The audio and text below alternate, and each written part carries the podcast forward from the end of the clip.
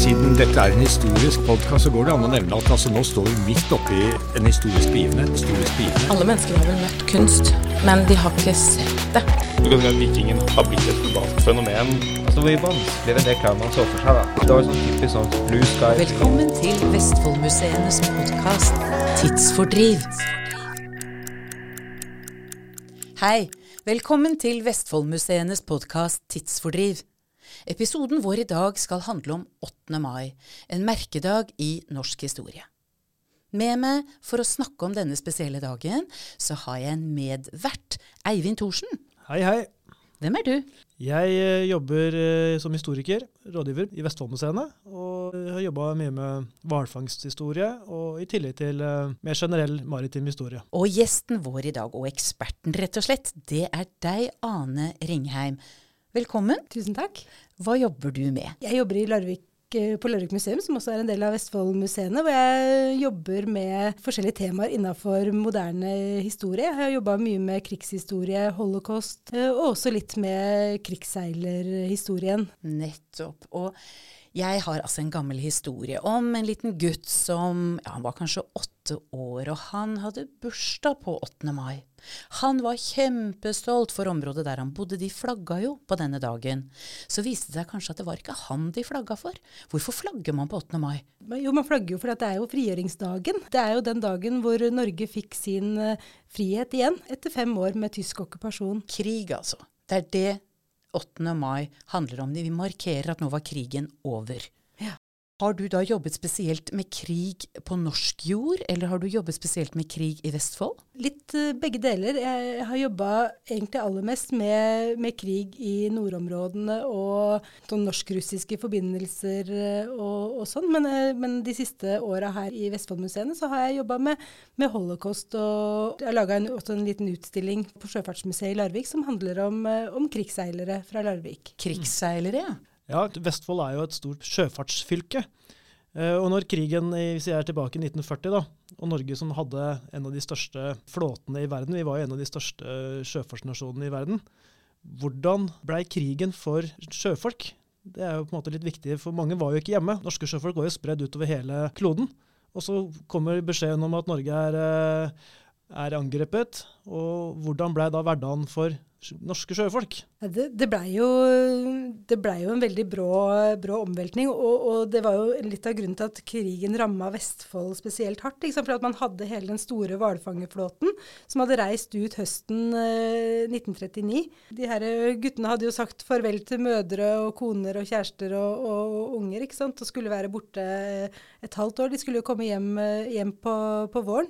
Men så bryter jo andre verdenskrig ut i mellomtida, og skipa blir jo da rekvirert av Nortraship. Og, og det blir, blir oppretta, og plutselig så man, har man jo da gått fra en, en fredelig tilværelse til på, til sjøs, mm. uh, til å, å, befinne seg da i, i, på livsfarlig oppdrag med å frakte krigsviktige varer i, i konvoier. Du sa Nortraship. Det er jo ikke sikkert alle der ute veit helt hva det er for noe. Kanskje du kan forklare det? Ja, Eh, det var jo det slags rederiet som, eh, som ble oppretta eh, under andre verdenskrig. Så man da kunne bruke den store flåten av skip til å frakte viktige varer for, for krigen. At man satte inn hele den norske handelsflåten inn i, i tjeneste for de allierte.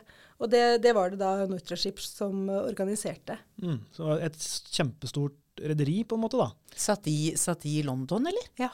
Akkurat, for det var jo ikke sånn at de kunne drifte dette fra Norge, antar jeg? Nei, nei Norge var jo okkupert, så sånn eh, det mm. måtte skje fra, fra, London. Men hva slags varer var det du sa at de frakta over uh, i konvoier? Hva slags type varer kunne det dreie seg om, da?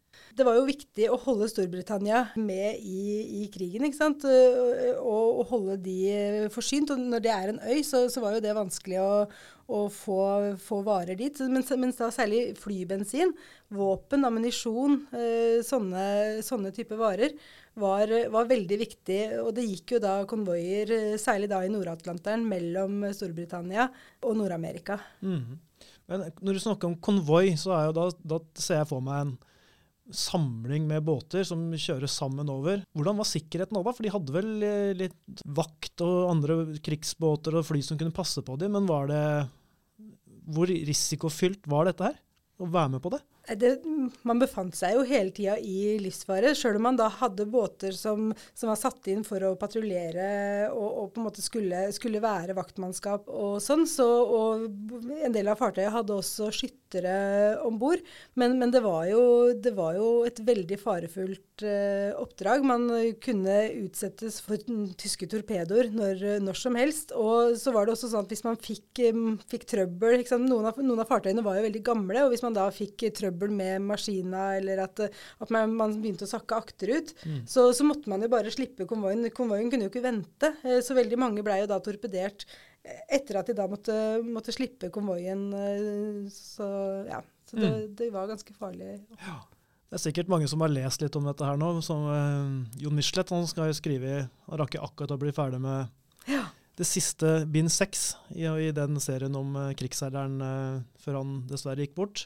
Men der han skriver mye om det, om de her uh, er vel de tyske er det ulveflokkene han kaller disse ubåtene, som lå og lurte. og Man visste heller aldri når, når, det smeller. og ja, Man kan jo tenke seg bare den der påkjenningen når du står der og kanskje ser kamerater som blir torpedert, og du kan ikke stoppe å hjelpe dem, og så vet man jo aldri hvem, når det er min tur. Nei, og, og mm. den psykiske påkjenninga der, den, eh, den, var det mange som måtte leve med, med etter uh, krigen. Og så, og så, kom jo etter hvert uh, USA også med i, i krigen, og, og, Japan, ikke sant. Mm. og, det gjorde at, at man da fikk, ble utsatt for, for japanske flyangrep. sånn at det var flere områder eh, havområder som, som blei veldig usikre for, for, norske sjøfolk. da. Mm. Ja, For de fortsatte altså, sant, eh, rundt hele jorda. Det var ikke bare Nortraship, som du sier da, i Nord-Atlanteren. Norske sjøfolk eller sjøfolk fra Vestfold de var over hele jorda. Ja, det var de. Men var det noen sånne Når de var i, når de var i havn, da, mens de lossa skipene, hva var tilbudet da, eller var det noen sånne særlige havner som de gjerne var i? Eller kunne det være hvor som helst? Og så lurer jeg litt på hva, hva gjorde de også når de hadde noen uker altså, Hva var tilbudet til, til norske sjøfolk når de ikke var uh, om bord? Det vet jeg ikke så mye om. Jeg vet at Liverpool var en veldig viktig havn for, uh, for norske, norske, sjøfolk. Men jeg, jeg har jobba mest med, med, på en måte sånn hva krigen har kosta, ja. mm. uh, og sånne ting. da. Ja. ja. Det i seg selv er jo en forferdelig ting når vi sier ikke sant? Altså, at krig er grusomt ikke sant? fordi mennesker jo dør, og de mister livsgrunnlaget sitt. Og når du sier da hva krigen har kosta, hva legger du i det? Hva tenker du på da? Det, det, er jo på en måte både de menneskelige mhm, kostnadene, mm, som ja. var veldig veldig høye, mm. og, og, materielle kostnader. Blant annet så, liksom, Hvis vi snakker om de menneskelige kostnadene, mm. så, så mista jo Norge 10 000, eller 10 000 nordmenn som døde under, uh, under andre verdenskrig.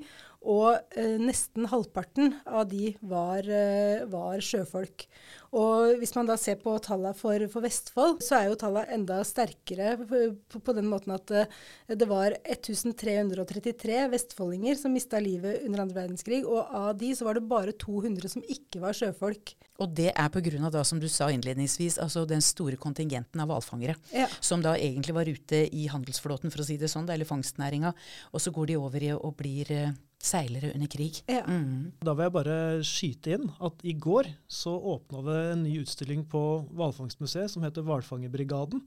Og det mange ikke har vært klar over, er at, uh, som Ane sa, da, at når eh, hvalfangerne var på vei hjem våren 1940, så kom jo nyheten om at uh, de måtte søke alliert havn. De kunne ikke reise hjem pga. tyskerne som da ville slå kloa i hvalbåtene og hvalkokeriene. Så da sto det jo noen tusen norske hvalfangere bl.a. i Storbritannia. Og av de så var det mange som meldte seg til militærtjeneste. En del gikk i handelsflåten og sånt, men en del ble, gikk, meldte seg til å bli soldater i det som ble kjent som Den norske brigade i Skottland.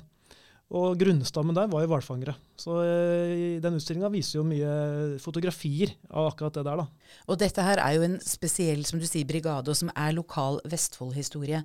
Men når vi snakker om handelsflåten, så er det jo en, en Altså Norge er jo et Stort, altså stort, land, mener jeg selvfølgelig, med lang kystlinje. Så sjøfolkene som utgjorde, og rederiene som var i Nortraship, de kom jo fra hele Norge. Ja, ikke sant? Det ja. Og sjøfartshistorien, altså hvordan det faktisk gikk, da, for vi var inne på det til dette med det grusomme, og du snakket om menneskene og tapene. Når krigen er over, Kommer de da tilbake og, og plukker opp sine gamle liv? Vet vi noe om det? Hvordan var det?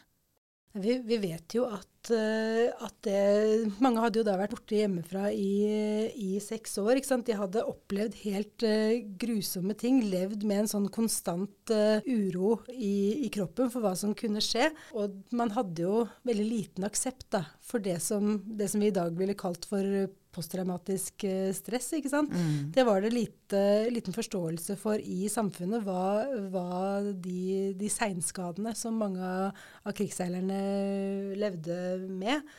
Og det var jo også, De, de hadde jo sett, sett kamerater eh, dø, ikke sant. De hadde hørt historier om eh, andre som, som hadde gjennomlevd fæle ting. Så de, og, og så var det de der hjemme da, som, som hadde gått alle disse åra og bekymra seg og, og slitt med å få endene til å, til å møtes, rett og slett. Mm. For Du sa jo at de, de frakta jo viktige varer, og det var jo en veldig viktig jobb norske sjøfolk gjorde. Men fikk man ikke noe klapp på skuldra, eller uh, hvordan ble de tatt? Vi vet jo at Milorg f.eks., sabotasjegutta, de var jo helter og ble jo tatt imot med parader og, og sånne ting. Uh, hvis man går an å sammenligne den statusen de, Hvis du har sjøfolka, så har du Milorg. Hva, var forskjellen i hvordan de ble behandla etter krigen? Nei, altså det, det var jo um, det at uh, ikke sant, Den innsatsen som, uh, som de norske krigsseilerne had, gjorde under krigen, det, det ble jo på en måte regna som Norges aller viktigste krigsbidrag. Rett og slett fordi at det, det var jo virkelig noe som var med på å, å vinne, vinne, krigen. Og det hadde stor, stor strategisk uh, betydning. Men det at de Sjøfolka kom jo hjem fra sommeren 1945 og, så, veldig sånn spredt utover. Og det var ikke noe sånn samla mottagelse eller noe, noe, hyllest eller noe, noe, klapp på skuldra. Ja, og, og, så var det jo også uh, mye bråk om det, det såkalte hemmelige fondet til uh, Nortraships, da, som, hvor det hadde da, norske sjøfolk hadde gått med på en sånn avtale under, under krigen for å måte jevne ut hyrene mellom Norge og, og Storbritannia. Så hadde de gått med på at, uh, at det ekstra risikotillegget skulle settes inn på en egen konto til etter krigen. Og det, det beløp seg jo på det var 43 millioner etter krigen. Mm. Og, og, det blei jo en sånn kamp om å få utbetalt fra, fra dette, dette, fondet. Og, og det, der blei det ikke hørt. Ikke og det blei også sett på som manglende anerkjennelse av den viktige jobben de, mm. de hadde gjort. ikke sant? Og, og, og, mange sleit jo med store psykiske problemer og etter hvert store alkoholproblemer. Og mange ble nok litt sånn latterliggjort og usynliggjort. Og, og, den innsatsen de hadde gjort, da, den, den ble ikke, ble ikke løfta fram og synliggjort og, og hedra. Så i motsetning til, til Milorg og, ja. og, de som på en måte fikk den hyllesten ja. veldig tidlig. De følte seg kanskje ikke helt verdsatt, på en måte? da? Nei. Nei. Og så hadde de da store forventninger om et, en pen pengesum som skulle utbetales. Ja. Og det var på en måte et slag i ansiktet når de kom hjem og ikke fikk den. Ja. Men eh, jeg har jo vært litt borti det der fondet. Du sa det var en lang kamp eh, om å få det utbetalt. Fikk de de pengene til slutt, eller? Eh, ja, i eh, 1969 så fikk de da utbetalt 180 kroner per, eh, per fartsmåned, altså per måned de hadde vært, vært ute. Mm. Og det, det, kom jo veldig godt med det, for, for, noen, men, men for, for, en del så var det jo for seint. Mm. Folk hadde jo, hadde jo dødd i mellomtida, ikke sant. Mm. Så, så det, kom, det, kom, men det kom veldig seint. Mm. Men du, jeg tenker på Altså det å være sjøfolk, eller sjømann, da, som det stort sett var i Norge da før annen verdenskrig, det var en, en, stor yrkesgruppe i Norge. Var det jobber til dem etter krigen? Hva hadde skjedd med selve handelsflåten etter? Altså under krigen og etterpå. Var det jobber for dem da? Jeg vet at uh, i Larvik, som jeg, som jeg kjenner mm. best, uh, var, det, var, det, jo mange av de som hadde vært ute på hvalfangst, i hvert fall, som, som, fikk jobb videre på Selv om begge de to store kokeriene i, i Larvik var blitt torpedert, uh, så, så blei jo da Norvald satt inn isteden. Og, og mange fikk jo jobb videre der og, og fortsatte, fortsatt, mm. Men det vet kanskje du mer om, Eivind? Ja, det er jo som du sier at hvalfangstsesongene de starter opp igjen. Og det var jo mange sesonger på 50-tallet og også etter krigen som var store år med mye fangst. Så mange jo, fikk jo jobb igjen i, eh, i hvalfangsten. Men jeg har hørt noe sånt som at det var altså nesten oppimot 50 ja, av de norske båtene som ble borte. Altså Ja. den norske handelsflåten? At det rett og slett eh, ble Ja. da torpedert og gikk ned? Ja, jeg, jeg, kjenner ikke tallene for, uh, for hele Norge, Mm. men, men i, i Vestfold så, så var det jo da av de 67 skipa som fantes i han, den handelsflåten i Mm. Vestfold, så var det bare 33 igjen. Ja, så man mista, mista halv, halvparten av, av skipa. Og Mm. i tillegg til det så, så kom jo da eh, åtte eh, hvalkokerier og 30 hvalbåter som, som kom i tillegg til de. Så, så, så man leid veldig store materielle tap også. Ja, ikke sant? For da kan en jo se at det var rett og slett ikke Det er jo ikke sikkert de lengta til sjøs igjen heller, de som hadde vært borte fra familiene da i fem og seks år under et fryktelig press. Så det er jo spennende da Hva skjedde med Vestfold som sjøfartsfylke? Har vi klart å ta oss opp igjen? Klarte man liksom å blåse liv i den næringen rett etter krigen igjen? Vet dere det? Når det gjelder hvalfangsten, så, så fikk jo den sin storhetstid nettopp Mm. på, på 50-tallet. Her må du korrigere meg, Evin, men eh, Ja, altså det var jo om det var like mye som det var i toppåra som på begynnelsen av 30-tallet, men at det her ble mange De ble jo lagd nye hvalkokerier og, og satsa stort etter krigen, fram til midt på 60-tallet. Så det, det var gode år igjen. Det var det. Så det var fortsatt fint å være sjømann i eh, Vestfold? Ja, 60-tallet var jo en stor tid for Norge som sjøfartsnasjon. Så det, tok, så det, det ble jo Mhm. bygd ut igjen og tok seg opp. Ja, ikke sant. Men jeg lurte på en ting, for vi snakka litt om familien og sånne ting. Og Ane sa jo at de kommer hjem, mange av de traumatiserte. Mm. Og vet vi noe om hvordan gikk det hvis man kommer hjem og har opplevd alt det de har opplevd, og så plutselig så er du hjemme igjen i familien med kone og barn, og, og med den bagasjen de har med seg, da. Hvordan var det å, for mange å, å takle den der overgangen til fra å gå med nervene i høyspenn til plutselig å være hjemme og skulle få familielivet til å gå rundt? da? jeg har i hvert fall hørt veldig mange, mange historier om hvordan, hvordan det var med å prege familielivet. Da, for det var jo noe man, man ofte ikke orka å snakke om. Eh, Det var noe som man bar, eh, bar inni seg. Og så, og så var man jo veldig prega. Så, så mange, mange hadde jo mye mareritt. ikke sant? Våkna og, eh, og ropte og skreik i søvne eh, fordi at de, de hadde alle disse minnene og, og all den angsten i, i kroppen. Og, og det å leve, leve med noen som, som har så store psykiske skader, er, var jo sikkert ikke så lett. For man hadde jo ikke noen måte å, å, og forstå det som, eh, det som hadde, hadde skjedd. Og, og særlig når man da ikke snakka om det heller, så, så var nok det en, en, noe som var, kunne være ganske vanskelig for mange. Mm. Og litt annen tid enn det Ja. vi har i dag. Men jeg tenker jo at det, det er klart det var jo vanskelig for de alle sammen. Det hadde jo vært spenningsfylt for de som var hjemme og var okkupert også. Og det var vel ikke sånn at alle sjøfolk kom hjem igjen? Altså jeg mener de ble kanskje værende ute i verden? Vet vi noe om det? Vi De fleste kom nok eh, hjem igjen, men vi Mm. vet jo om at det var jo en del som ble ute, noen som ble igjen ute også, og som stifta familier med, eh, med utenlandske kvinner. da. Ja. En ting som vi har snakka om på denne podkasten her tidligere, det er jo den her bigamiloven. Fortell, hva er det for noe? Ja, det er jo den Lex Nygaardsvold, som den het, da, mm. som gjorde det da mulig å skille seg fra kona hjemme uten at hun fikk beskjed om det, og gifte seg på nytt. Er det, vi- Er dette en, unnskyld meg, er dette en offisiell norsk lov? Den var under krigen, ja. Og det var ikke så mange som, ble, som, som brukte det eller utnytta den loven, men vi tror ca. rundt 70 da, eh, norske kvinner opplevde jo det at når krigen var slutt, og da fant de ut at mannen hadde gifta seg på nytt og kanskje stifta en ny familie. Og det er jo det er noen sånne historier som jeg har hørt at uh, uvitende norsk uh, kone da, står uh, på kaia og venter, og av båten så kommer mannen med en ny familie uten at de visste noe. Så man kan jo bare tenke den der ydmykelsen og den sorgen når man ikke vet noen ting. Og også det her økonomiske, ikke sant? ved at uh, hovedforsørgeren plutselig er borte, og man er helt aleine. Og i likhet med krigsseilerne så fikk jo heller ikke de noe støtte av staten, eller ble fulgt opp på noe som helst vis. Og det er jo han uh, Moren til Rolf Wesenlund, han, øh, hun opplevde jo akkurat dette her, da, hvor at hvor uh, mannen ikke kom hjem. Han hadde gifta seg på nytt og bosatt seg i Australia. Og Rolf Wesenlund sa jo da i et intervju for noen år siden på NRK at det her var jo, den opplevelsen her, det ødela moren helt fullstendig. Hun ble aldri den samme etterpå. Så det ikke, Man kan jo bare tenke det åssen det der må være. Gått hjem og venta i fem-seks år, så er mannen har skilt seg og gifta seg på nytt. Ja. Nei, dette er jo bare ett aspekt ved grusomhetene ved krig. ikke sant? Og når mennesker ja, hva skal du si, de lever under forferdelige forhold, og, og gjør da noe som vi ellers opp, vil oppleve at dette er jo helt utenkelig for oss. Men loven heter rett og slett altså bigamiloven, og i seg selv så er jo det, ikke sant. Det er jo ikke lov i dag å ha to. Nei, Men det holder, det holder med én. Ja, hold, ja, ide, ja, ideelt sett så gjør det vel det. Men uh, jeg tenker, Ane, når vi ser tilbake da på Vestfold og krigsflåten og det livet som er um, i fylket her etter det, så er jo Vestfold forbundet med stolte sjøfartstradisjoner. Altså det er, det er ikke denne fortellingen som vi snakker mest om.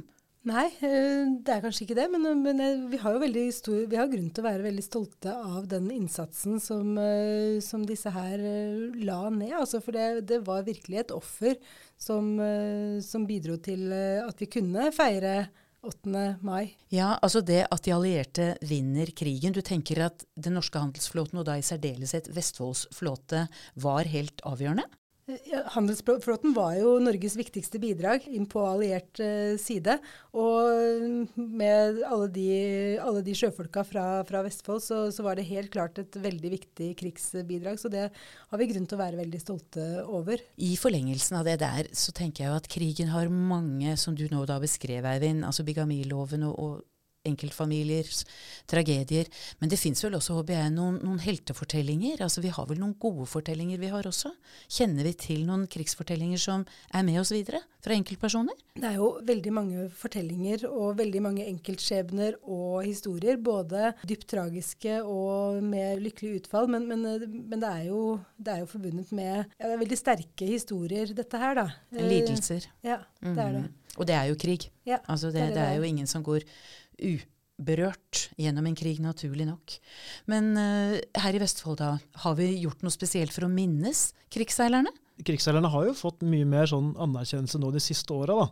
For det var jo, som vi var inne på i stad, at når de, de første åra etter når de kom hjem igjen, så var det jo ikke noe oppfølging eller noe De sto jo på bar bakke, mange. Mm. Og det er ikke sånn at alle heller sleit med alkoholproblemer og nerver.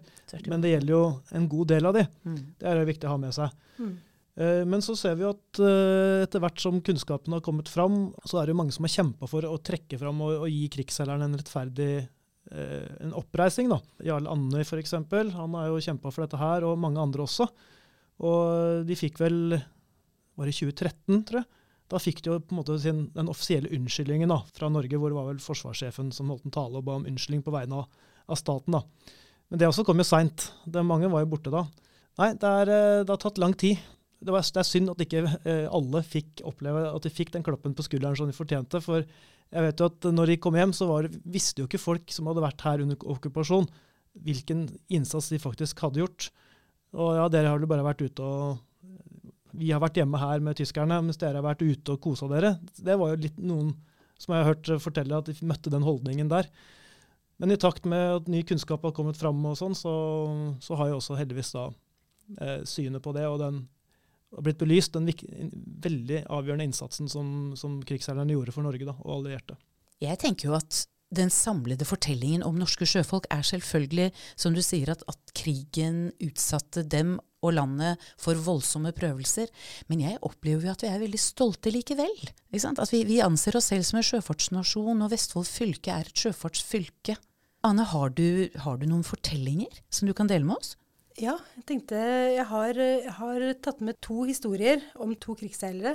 Han ene han heter Jens Christian Limkjær, og han var jo da, han var fra Kjølling og var en veldig erfaren eh, sjømann som da hadde seilt ute både under første verdenskrig, men også under andre, andre verdenskrig. Og han, eh, han var eh, han var an annenmaskinist på, på en båt som het DS Wolger, som, som gikk da med, med krigsviktige varer nede i, i Asia. Da.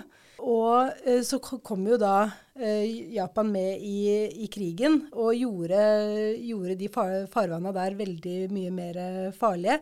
Og på en av, en av turene så eh, så blei da båten beskutt. Det kom japanske fly som, som skjøt båten i senk. Og mannskapet måtte da gå i livbåtene. Og da var det sånn at japanske fly kretsa over livbåtene og, og skøyt på mannskapet i, i livbåtene. Han, Jens Christian Limfjær han, han overlevde det, og i hans, eh, hans, livbåt så var det jo da 24 personer som, som overlevde det. Og de hadde litt forsyninger, men, eh, men ikke så, så, veldig mye. Og, og de, de, prøvde jo da å finne land, ikke sant. Og de måtte da finne land uh, på et sted hvor, hvor, det da ikke var, som ikke var uh, okkupert av, uh, av japanerne. Så, så dette, dette, mannskapet i den livbåten måtte da gjennomleve 88 døgn om bord i den livbåten. Og folk døde jo underveis. sånn at eh, når de da omsider fant land på Andamanøyene i Bengalbukta, etter de 88 døgna, så var det bare syv igjen av de 24 som hadde vært eh, i den livbåten fra før av. Men det, det, som var, det, som var, så dypt tragisk, det var jo at uh, når de da gikk i land på disse Andamanøyene, så, så hadde jo de da i mellomtida eh, blitt okkupert av Japan, sånn at de da kom rett i japansk fangenskap når de da kom til land. Og, og de var jo veldig syke og avmagra eh, når de kom, kom i land. han, Jens Christian Limkjær han, han led både av beriberi og av dysenteri.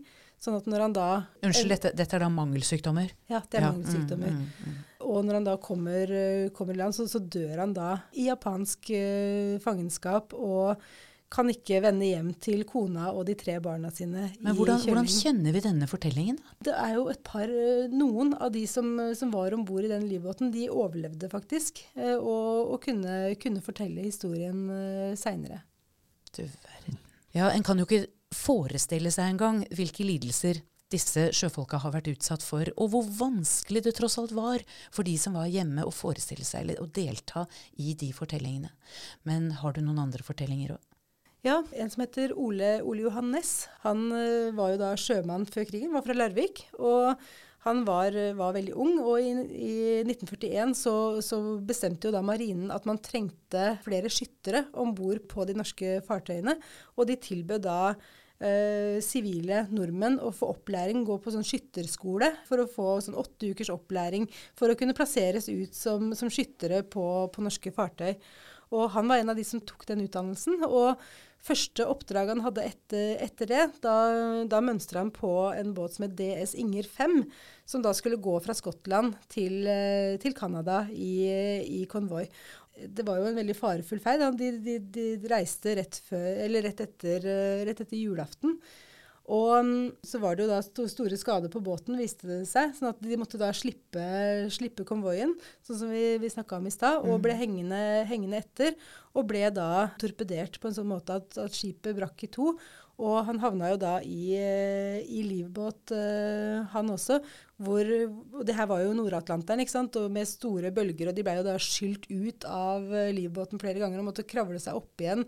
Og hvor kaldt det må ha vært, det, det, kan vi jo bare forestille oss. ikke sant. Og for hver gang de på en måte ble skylt ut av båten, så mista de litt av den livskrafta. Og en, en etter en så, så, dør de andre om, om bord. Og etter 13 døgn så er jo da han um, uh, Ole Johannes han er jo da aleine i denne, denne, livbåten og ligger og svever mellom, uh, mellom, liv og død, men blir da plukka opp av et amerikansk uh, fartøy. Han blir funnet og plukka opp. og frakta til sykehus, hvor han da, har han da koldbrann i begge beina og står i fare for å måtte amputere. Men Legene klarer å redde beina hans, og han overlever som den eneste på, fra Inger 5. Av de 37 som var om bord på Inger 5, så var han da den eneste som overlevde, og som kunne komme tilbake til, til Larvik, til, eh, til, familien sin. Og fortelle om hva som faktisk hadde hendt. Etter mm. åtte ukers opplæring og en ung gutt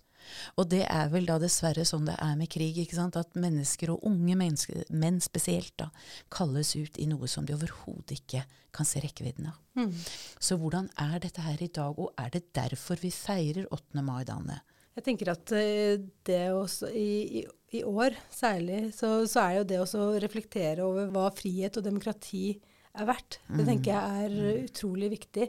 Og ikke minst å, å jobbe med hvordan vi kan bidra til å hjelpe de som nå har blitt fratatt sin frihet. Jeg tenker at alle, alle, kan bidra med noe. Ja, for det er kanskje ikke så mange som lever i dag som ja, rett og slett kan vite noe særlig om hvor forferdelig det var da Norge var okkupert.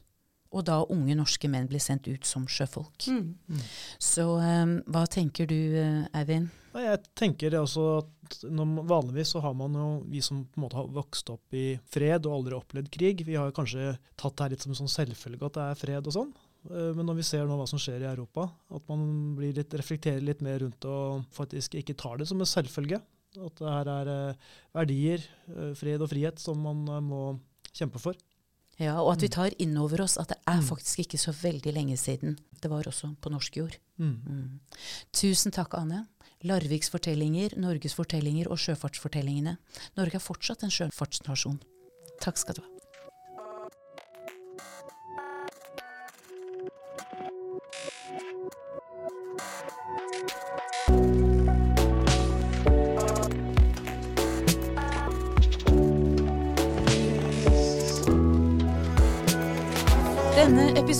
Er laget av produsent Susann Melleby, lydtekniker og klipper Jon Anders Øyrud Bjerva, Eivind Thorsen og meg, Ellen Asplin.